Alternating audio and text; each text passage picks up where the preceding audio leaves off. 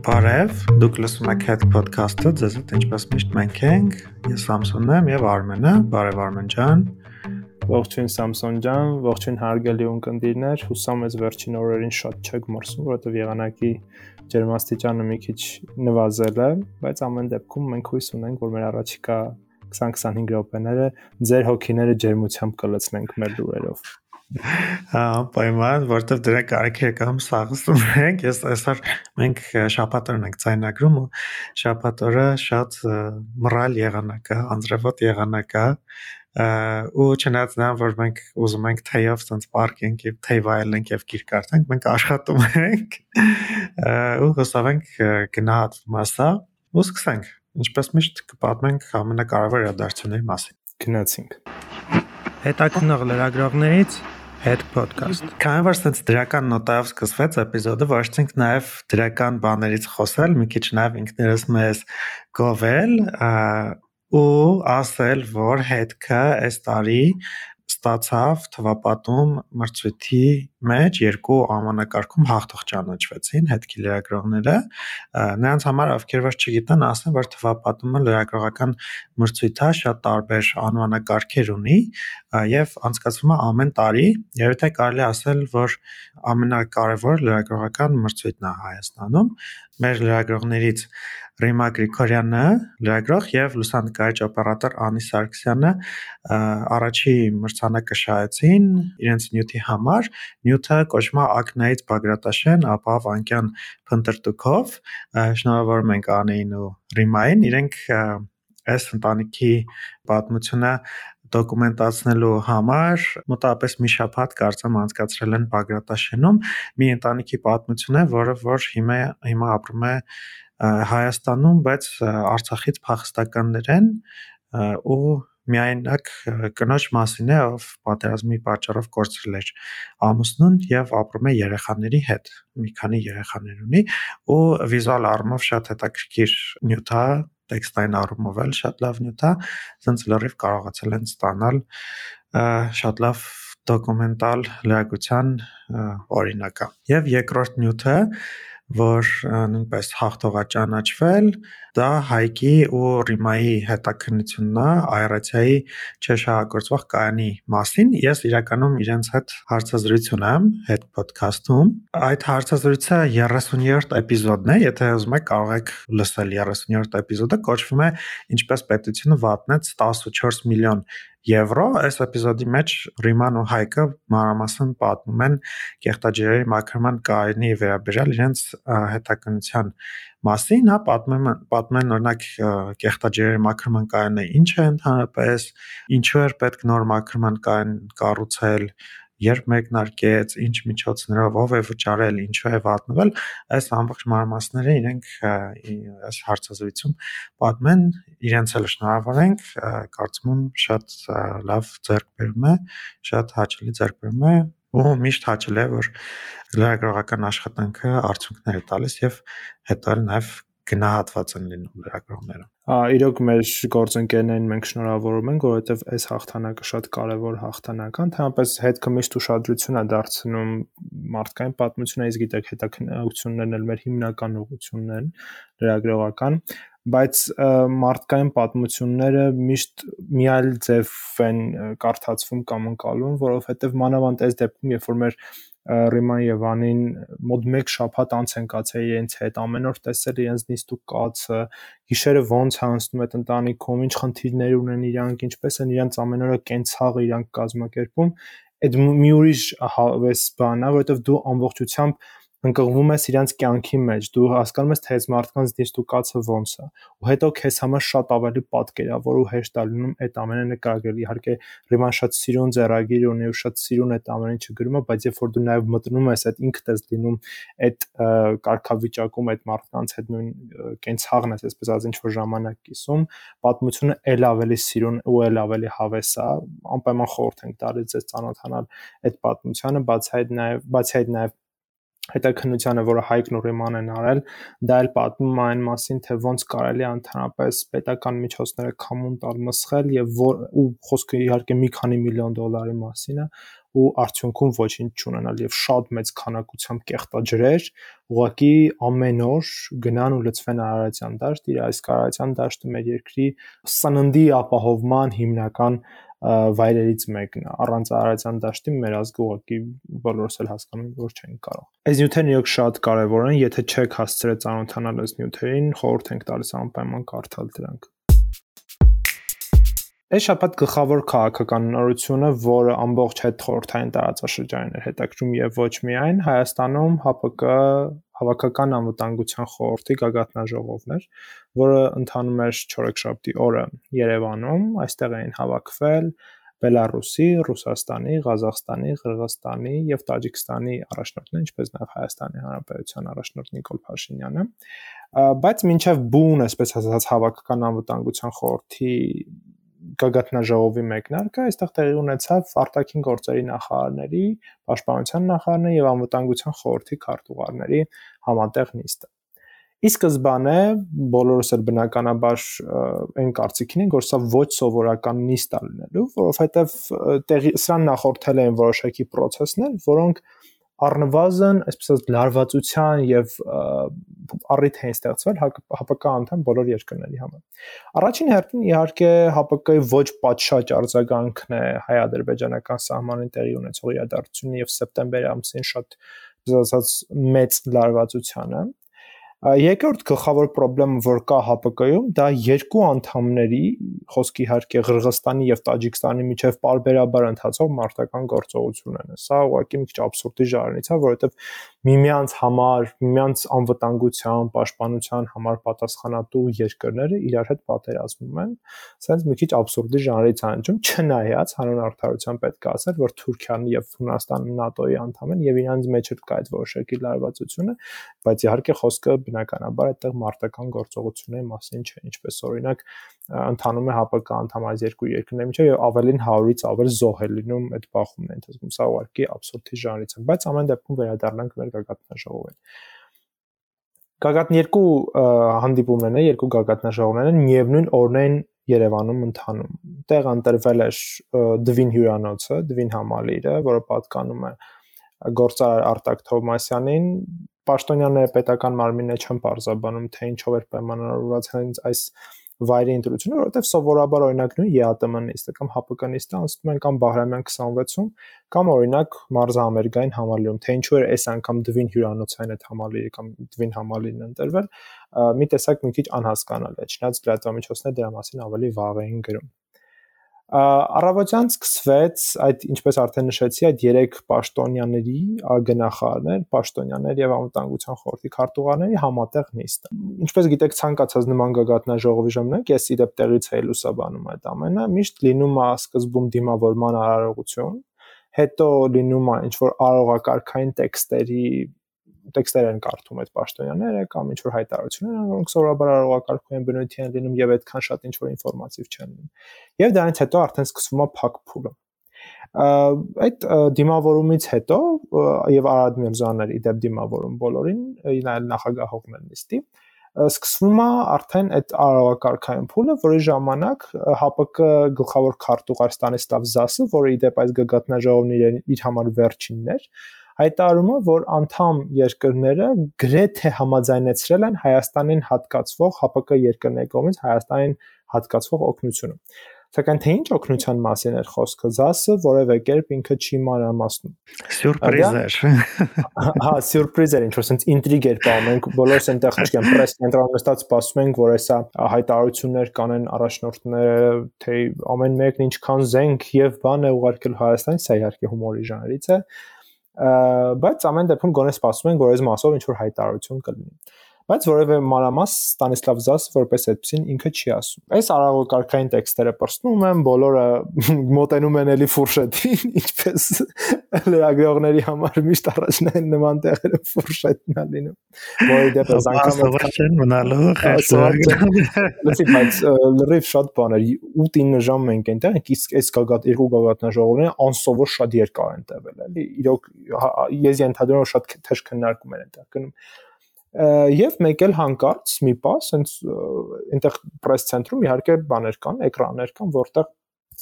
միանում են եւ դու կարողանում ես առցանց հետեւել այդ գագաթնաժողովին, իհարկե բաց մասերին։ Եվ մեկ էլ ինչ որ մի հատ sense կադրա միանում, որտեղ բոլորը նստած ստորագրում են եւ հենց այդ պահին Սերգեյ Լավրովը խոսում է մեր այդ Հայաստանի աջակցող օգնության հանկարծ չընդունման մասին,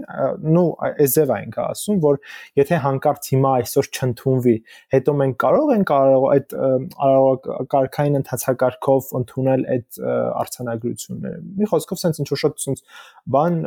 շատ անհանգստացած, երևի ինքը արդեն լուրը ստացել էր, որ Հայաստանի Հանրապետությունը չի պատրաստվում այդ փաստաթուղթերը ստորագրել օգնության վերաբերյալ ինքը sense ինչ որ ջղայնացած տեքստ ասում շոյգուի դեմքն են sense ցույց տալի շատ ինչ որ sense լարված դեմքով է ու մենք հասկանում ենք որ այս կադրը չպետք է երևար ուղղակի կամ չգիտեմ ինչ որ տեխնիկական խոտան է եղել կամ չգիտեմ չեմ ուզում այլ բան ենթադրել բայց ամեն դեպքում այդ կադրը sense ինչ որ ինքը շատ sense լիքոտ ինչ որ արտահոս կոդ sense տպավորություն էր թողնում այսինքն հավանաբար այդ պահին ռուսական կողմը նոր էր իմացել որ Հայաստանը չի պատրաստվում ստորագրել այդ արձանագրությունը Մի խոսքով, այս արտաքին գործերի պաշտպանության նախարարների եւ անվտանգության խորհրդի քարտուղարների նիստն ավարտվում է։ Իդեպ դրան մի հետաքրիր դեպք բանել էր նախորդել։ Գիտեք, այդ դիմավորումից հետո միշտ պաշտոնական լուսանկարի նաեւ արարողակարգ կա եւ արտաքին գործերի նախարարներն իրենց հասակով ավելի հասակով են, բոյով են, քան պաշտպանության նախարարներն էս բարագամ եւ Արարատ Միրզյան ինք Սուրեն Պապիկյանին էր իր հասակով ծածկել եւ Սուրեն Պապիկյանն այդքան չէր եղում։ Իսկ Լավրովն էլ ինքը ծածկել է Շոյգուին եւ այդտեղ լուսանկարիչներից մեկը Լավրովին խնդրում է թե կարող եք մի քիչ ձախ գնալ որ պարոն Շոյգուն էլ երևա Ինչին Լավրովը շատ կոպիտ պատասխանում է, որ էլ ինչ կուզեք, ձեր գործը միայն լուսանկարերն է, լուսանկարեք գնացեք, շատ sense տհաճ ինչ որ տեսարաններ։ Типик русский պատասխան էր, չէ՞, որ ваше дело фотографировать, вы только фотографируете sense բան ասած շատ ահա։ Հա, ինչ որ շատ sense տհաճ էր, ասենք իրենից ընդամենը կես քայլ ձախ գնալ էր պահանջվում, շատ գրեհիկ իմպերիալիստական, այսպես ասած, պատասխան էր։ Ваше дело не командовать։ Ոայ, ահա, հա, ինչ որ sense շատ զզվելի ոնդուր բան էր ինչը բնորոշ է իրոք իրենց պաշտոնյաներին եւ հատկապես հենց Լավրովին։ Լավրովը երբեք աչքի չի ընկնում իրար նշփանկատությամբ, էլի։ Մի խոսքով, այս երեք, այսպես ասած, պաշտոնյաները զբաղեցնող անձանց բոլոր երկրների հանդիպումից հետո օրվա երկրորդ կեսին սպասում էր որ պետք է սկսի գագաթնաժողովը այս ընթացքում իհարկե դիմավորման արարողություն էր գնում եւ բոլոր նախագահներին իդե բոլորը եկել էին դիմավորում էր Հայաստանի Հանրապետության փոխվարչապետ Մեհեր Գրիգորյանը եւ միայն Ռուսաստանի Դաշնության նախագահ Վլադիմիր Պուտինին դիմավորեց Հայաստանի վարչապետ Նիկոլ Փաշինյանը եւ ավելին նրանք երկուսով միևնույն ավտոմեքենայով Զվարթնոց օթանավականից գնացին հավանաբար խոսում էին Ալիևի հետ Պուտինի վերջին հերախոսազրույցի մասին, որը տեղի ունեցել նախորդ օրը Պուտինը Կրեմլը հաղորդագրություն էր տարածել, որ Պուտին-Ալիև հերախոսազրույցը տեղի ունեցել եւ հավանաբար Ալիևը այսպես ասած հրահանգավորել էր Պուտինին կամ ինչ որ նոր ուղերձներ, մեսեջներ այսպես փոխանցել, որն էլ Պուտինը փոխանցում էր Փաշինյանին։ Սա շատ իհարկե այս հանգամանքը քննարկվեց, մանավանդ կհիշեք 2008 թվականին դարձյալ էլի, չեմ հիշում ՀԱՊԿ թե ԵԱՏՄ գագաթնաժողովներ ընթանում, իշո սպահին sense ասած մոռացել եմ բայց այդ ժամանակ Նիկոլ Փաշինյանը չէր դիմավորել Վլադիմիր Պուտինին ու սա sense հանրային մեծ ռեզոնանս էր առաջացրել ընդդիմությունը քննադատում է թե դով եղար որ Պուտինին չդիմավորեցի օթանավականում, բա եւ հիմա այդ ամեն ինչ այսպես ասած խերված իշխանությունները որոշեցին, որ այս անգամ Պուտինին պետք է դիմավորի Փաշինյանը։ Սա արարողակարգի տեսանկյունից շատ տգեղ երևույթ է որովհետև սա ցույց է տալիս, որ դու մյուս քո գործընկերների նկատմամբ ճունես համանման վերաբերմունք կամ հարգանք, ինչը դու ունես օրինակ կոնկրետ ինչ որ մի երկրի առաջնորդի մասին, կամ բոլորին պետքա դիմավորեր Մեհեր Գրիգորյանը, կամ բոլորին պետքա դիմավորեր Նիկոլ Փաշինյանը։ Դա շատ տգեղ էր, երբ որ Փաշինյանը դիմավորում էր միայն Պուտինին, եւ օրինակ ինչով է պակաս Ղրղստանի նախագահ, օրինակ Ռուսաստանի նախագահից։ Ինչևէ, բայց բայց քանի որ սա հապկն է Ա բայց քանի որ սա հապկն է, այստեղ կա բոլորս երբ որ օրինակ միջազգային լրագրողները իրենց նյութերում գրում են միշտ CSTO-ի դոմինանտ երկիր Ռուսիայի նախագահ նախագահ այդ այնքան sense իրանք սիրում են շեշտել ու այդ իրոք քո գործողություններում էլ դու դա ցույց ես տալիս որ այդտեղ դե բոլորս էլ ամեն դեպքում հասկանում են որ կա այդտեղ մի քիչ այսպես հիերարխիա բայց դա նաև երբ որ ցուցադրական է արվում այդ շատ տգեղ է իրականում էլի որովհետև դա հարգանք հարգանքի բացակայությունը մնացած երկրներին նկատմամբ հա գոնե ֆորմալ առումով պետքա այդ հավասարությունը որպես երկիր անդամների պահեն բայց երբեք դա չեն անում Այդ ընթացքում այսպես ասած հակահապկական կամ հակառուսական եւ պրո հապկական բողոքի ցույցեր էին ընթանում Երևանում։ Նու բողոքի, որից մեկը բողոքի ցույց էր, մեկը այսպես ասած ողջունի արարողություն էր։ Մի խումբ քաղաքացիներ հավաքվել էին հաղթանակի կամրջի վրա այդ Վիվասելի հատվածում եւ ողջունում էին Վլադիմիր Պուտինին, վանկարկում, որ Հայաստանն ու Ռուսաստանը միշտ իրար հետ են եւ այլն եւ այլն։ Հետո պարզվեց, որ դրանց մի մասը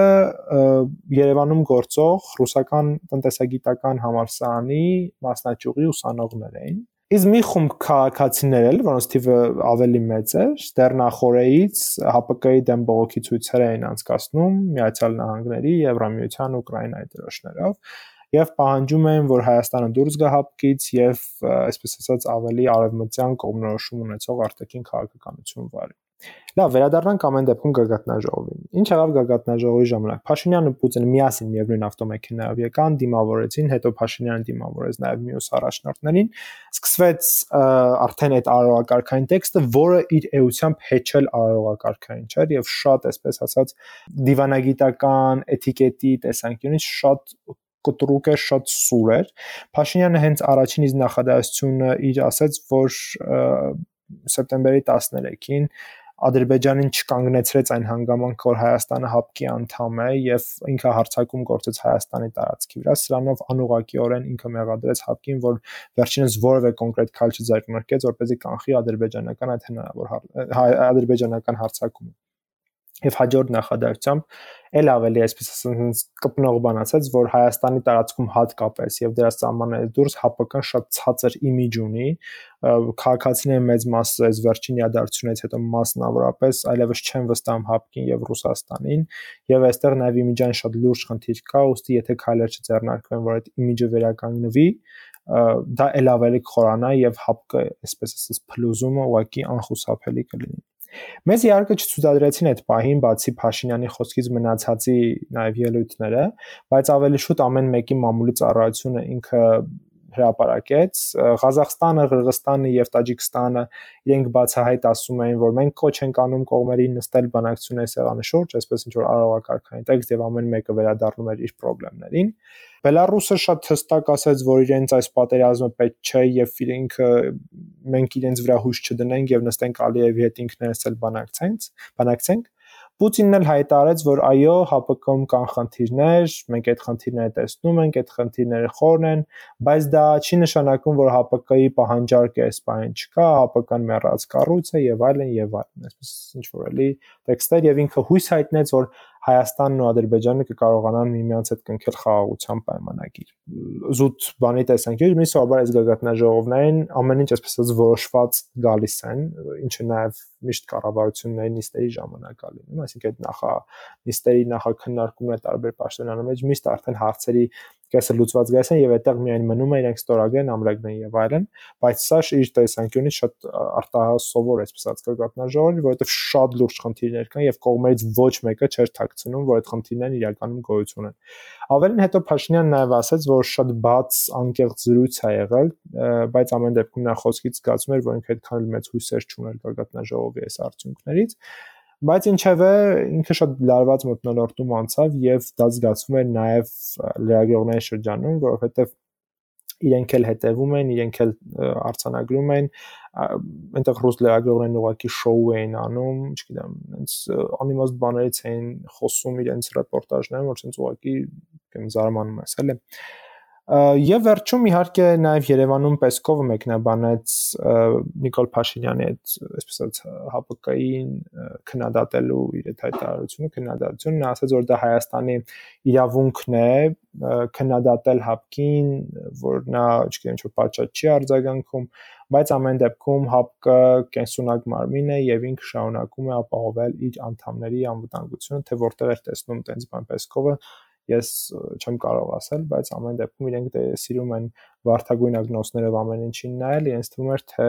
իրոք հապկը շատ լուրջ կառույց է եւ դա ապահովում է իր անդամների անվտանգությունը։ Դերևս այսքանը ինքը շատ լարված էր մտնոլորտը, իդեպ ինքն է գիտես հետաքրքիր նաև մամուլի կենտրոնում, երբ որ այդ պահին sense գնում այն ինչ որ քննարկումներ, բոլորը խոսում են անվտանգությունից, մի շատ մեծ խումբ լրագրողների եւ օպերատորների, եթե չխափեմ մի 30-ից 40 մարդ բոլորը կենտրոնացել էին մեկ հեռախոսի վրա եւ այդ հեռախոսով ֆուտբոլի աշխարհի առաջնության հերթական խաղերից մեկն էին նայում։ Նենց էս ինչ խնդալու տեսարաններ, երբ որ sense էկրանային ցույց են տալիս, չգիտեմ, ինչ Պուտինն ասենց բանը բան, մի 40 լրագրող sense երբ օպերատոր այնտեղ ֆուտբոլով են ավելի շատ հետաքրքրված։ Ու դե դրանց մեջ շատ են նաեւ մեր օտարերկրյա գործընկերներ, այնպես չէ որ միայն դա հայ լրագրողներն են, էլի։ այդ դե ֆուտբոլը շատ կարևոր է իհարկե աշխարհի առաջնությունը տոն ալրիվ դրա համար հասկանում եմ իրենց մեկ էլ Արմենն վիդեոն որ Բելարուսի նախագահ Լուկաշենկոն sense բան անում որ Փաշինյանն ասում է վերջ արդեն ավարտեցինք ոնց որ նիստը Բելարուսի նախագահը ոնց որ սպասում էր որ պետք է ինչ-որ բան ստագեն sense ճշմարտ դեմքով նայում է sense Պուտինն է իր բանն է գցում գրիչն է sense գցում այդ վիդեոն Twitter-ում շատ շատ տարածվեց տենց մոտ համարյա 1.5 միլիոն է ստացել այդ վիդեոն գցել էր Ուկրաինայից մի պաշտոնյա, հիմա կոնկրետ չեմ շում ով էր, բայց առաջինը ինքն էր գցել այդ վիդեոն շատ-շատ մեծ տարածվեց, նույնիսկ միջազգային մամուլը դրա մասին գրեց։ Highlight-ը դա էր։ Հա, դա շատ sense ասես կուրիոզ վիդեո էր։ Մի շատ հետաքրքիր վիդեո էր կարելի Լուկաշենկոյի հետ կապված, երբ որ Լուկաշենկոին դիմավորում է Փաշինյանը, sense ունքերը կիտած է, sense երևում է որ Փաշինյանը sense ունքերը կիտած է, դե Լուկաշենկոն էլ գիտես, չէ, sense կուրաժից sense քայլելով գալիս է, sense ու sense անում Почему ты нахмурился, բան։ Ինչպես sense պես ունքերը կիտած, բան, ինչ որ sense զգացվում է, էլի, որ այդ բառերն է ասում ու սենց շատ կարճ է իրան ձեռք սեղմումելնում ու այդ Լուկաշենկոն այդ սառնությունը հաստատ զգում է։ Ավելին լրատվամիջոցներից մի քանիսն է գրել են, որ Լուկաշենկոն պաշտոնական ճաշին չի մնացել եւ մեկնել է Գագիկ Ծառուկյանի առանձնատուն, բոլորս լավ գիտենք, որ Լուկաշենկոն բնականաբար, այո, այո, շատ ծերտ հարաբերություններ ունեն եւ ես պատկերացնում թե ինչ ճոխ ճաշա Ծառուկյանը տվել Լուկաշենկոյի լրիվ որ Լուկաշենկոին հաստատ ավելի շատ դուր կգար իր վաղը մի ինքեր Ծառուկյանի ճաշերը, քան ինչ որ պաշտոնական ընդունել։ Այո։ Լավ, անցնենք առաջ ու շատ կարճ նաև խոսենք մի քանի այլ կարևոր իրադարձությունների մասին, որոնք որ տեղ են ունեցել է շաբաթ, որոնց որ կարծում ենք անժի անդրադառնալ։ Ուրեմն սկսենք Ալիևի հայտարարությունից, շատ ոչ թե հայտարարությունից, այլ գործողությունից, հա, այսպես ասենք, Ալիևը չեղարկել է դեկտեմբերի 7-ին Փաշինյանի հետ իր հանդիպումը, չեղարկել այս հանդիպումը նրա պատճառով, որ հայկական կողմը պնդել է, որ Ֆրանսիայի նախագահ Էմանուել Մակրոնը նույնպես ներկա լինի եւ Ալիևը սա ոնց որ այս հապկի գագտնաժողովից հետո փորձել է կրակի վրա յուղ լցնի, հա, եւ իրենց պայմանավորվածությունը չեղարկել է։ Ու Ֆրանսիայի վերաբերյալ ասել է, որ Ֆրանսիան միշտ կողմնակալ մոտեցում ունի Հայաստանի կողմն է միշտ բռնում, հա, այսպես ասած, ու ասելա չնայած նրան որ Ռուսաստանը եւ ԱՄՆ-ն միշտ փորձում են կամ պահում են անաչառությունը, անկողմնակալությունը, Ֆրանսիային սա չի վերաբերվում, ես եւ այսպես չեղարկելը, սրան պատասխանել է նաեւ մեր ԱԳՆ խոսնակը ասել է, որ դեկտեմբերի 7-ի հանդիպումը, հանդիպման պայմանավորվածությունը ձեռք էր բերվել դեռ Չեխիայում իրենց հանդիպման ժամանակ, այսինքն Ալիևը, որ այսպես միանգամից որոշել է չեղարկել, հա, ասես ճակերտների մեջ դրամակույնություն է որոշել անել, իրեն շատ տիպիկ պահվածքա եւ շատ բաների մասին է խոսում։ Մի բան էլ ասեմ, Արմեն, չգիտեմ տեսել ես թե չէ, բայց Ալիևը մի հատ ելույթ էր ունենում, ելույթ էր ունեցել այս շաբաթ, ու այդ ելույթի ընթացքում սեն շատ սեքսիստական, մաչոական ձևով կատակում էր Հայաստան-Ֆրանսիա հարաբերությունների մասին ու ասում էր, որ Հայաստանն ու Ֆրանսիան իրար համ իրար համարում են քույր պետություններ, հա, ուսանց ինքը ծաղրանքով, յանի հա հա հա քույր ինչ որ գզիկ պետություններ են, հա, մոտավորապես sense ու ամբողջ այդ լսարանը, որ նստած էր իրենց մինիստրներով, բարձրաստիճան պաշտոնյաներով, բոլոր մի մարդու պես այդ անկապ սեքսիստական տենց կատակին հումորի ինքել տղամարդիկ են, հա։ Հա, հա, ու տենց բան արեցին էլի, խնդացին սաղով, չգիտեմ, շատ տհաճ էր։ Ես սա իրականում տեսել եմ ադրբեջանցի օկտատերերը Twitter-ում շատ տարածում էին ու իրենք էլ էին էլի ծաղրում այս ամեն ինչը, որտեվ իրոք абսուրդ է։ Եվ մի քանի լուրեր անդրադառնանք, որ մեր կարծիքով կարևոր են։ Առաջինը դա Արամ Վարդավանյանը հրաժարվել է իր մանդատից։ Դրա մասին ինքը հայտարարել էր իր Facebook-ում ստատուսեր գրել, բացատրել էր, ասպես որ ամեն ինչ փորձել է անել, պայքարել եւ այլն։ Արմեն Վարդովանյանը Հայաստան Դաշնքից ԱԺ պատգամավոր էր եւ ասել է, որ շարունակելու է զբաղվել փաստաբանական գործունեությամբ, դե արդեն բարձր նա փաստաբան էր, ու նաեւ մամուլը գրել է, որ հնարավոր է, որ նաեւ իր մանդատը ցած դնի Իշխան Սաղաթելյանը, որը արդեն մի քանի շաբաթ է չի գալիս չի ներկայանում ԱԺ նիստերին նշենք որ փողոցային պայքարից հետո հայկական ընդդիմությունը խորհրդարանական ընդդիմությունը որոշել է հետ վերադառնալ խորհրդարան հիմա մասնակցում են նիստերին բայց իշխան Սաղաթելյանը չկա եւ մամուլը գրեց հենց կարծում այսօր էլ գրեց որ հնարավոր է հաջորդը լինի նա եթե նա էլ մանդատը վայր դնի, սա շատ լուրջ պարակտման, հա, ճեղքման մասին կխոսի ընդդիմության շարքերում։ Ամեն դեպքում տեսնենք կհետևենք անպայման ձեզ կասենք մեկ այլ զարգացում շատ տեսակ տարօրինակ էր իմ համար, չգիտեմ, բայց Ֆրանսիան մեժեց արտահանձնել Սուրիկ Խաչատրյանին։ Սյունիքի նախկին մարզպետ Սուրիկ Խաչատրյանը գիտեք, որ Հայաստանում նրա վերաբերյալ քրեական գործ կա Հայաստանի հակակոռուպցիոն կոմիտեում է քննվում այդ քրեական գործը դեռ 2019 թվականից եւ որպես մեղադրյալ նա ներգրավել է քրեական գործի մեջ ու, ու մեղադրվում է պաշտոնական լիազորությունների անցնելու, պաշտոնական կեղծիքին հանցակից լինելու, առանձնապես խոշոր չափերով գումար վատնելու եւ յուրացնելու հանցակից լինելու մեջ եւ հիմա նա Ֆրանսիայում է ճակերների մեջ հա փախած է եւ Հայաստան դիմել էր որ արտահանցնեն եւ Ֆրանսիան մերժել է որոշման հիմքում դրվել է արտահանձման եվրոպական կոնվենցիան ըստ որի Խաչատրյանի արտահանձնումը նրա համար կարող է ունենալ բացառիկ ծանր հետևանքներ եւ սա իմ կարծիքով բավական հետաքրքիր զարգացում էր Շատ շնորհակալ ենք, որ միացել եք հետ ոդքասթին եւ լսում եք մեր էպիզոդները։ Ինչպես միշտ նշեմ, որ մենք հասանելի ենք ոդքասթներ լսելու բոլոր հավելվածներում, լինի դա Google Podcast, Apple Podcast, Spotify եւ այլն։ Կոչ ենք անում ձեզ լինել ակտիվ, տարածել մեր ոդքասթները, մեկնթողնել ձեր մեկնաբանությունները, միացեք մեր Facebook-յան խմբին, որտեղ մենք ամեն անգամ տեղադրում ենք մեր ոդքասթները, բացի այդ նաեւ ոդքասթների բոլոր հավելվածներով լսեք մեր ոդքասթը, մենք էլ ուրախ կլինենք եւ պատրաստ ամեն շաբաթ ձեզ ներկայացնելու ավելի թարմ, ավելի հետաքրքիր նորություններ։ Շնորհակալություն, մինչ նոր էպիզոդ։ Bye